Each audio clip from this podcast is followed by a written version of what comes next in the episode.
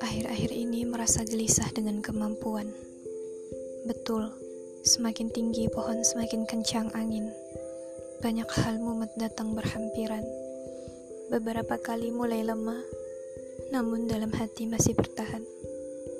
Tuhan, tolong kokohkan kembali perasaannya. Aku tahu dia berdiri sebab dia masih mampu. Pertahankan dia dia hampir hancur, maka tolong kokohkan kembali. Semuanya akan baik-baik aja. Ada yang dengerin, ada yang ngertiin, dan dia tidak sendiri.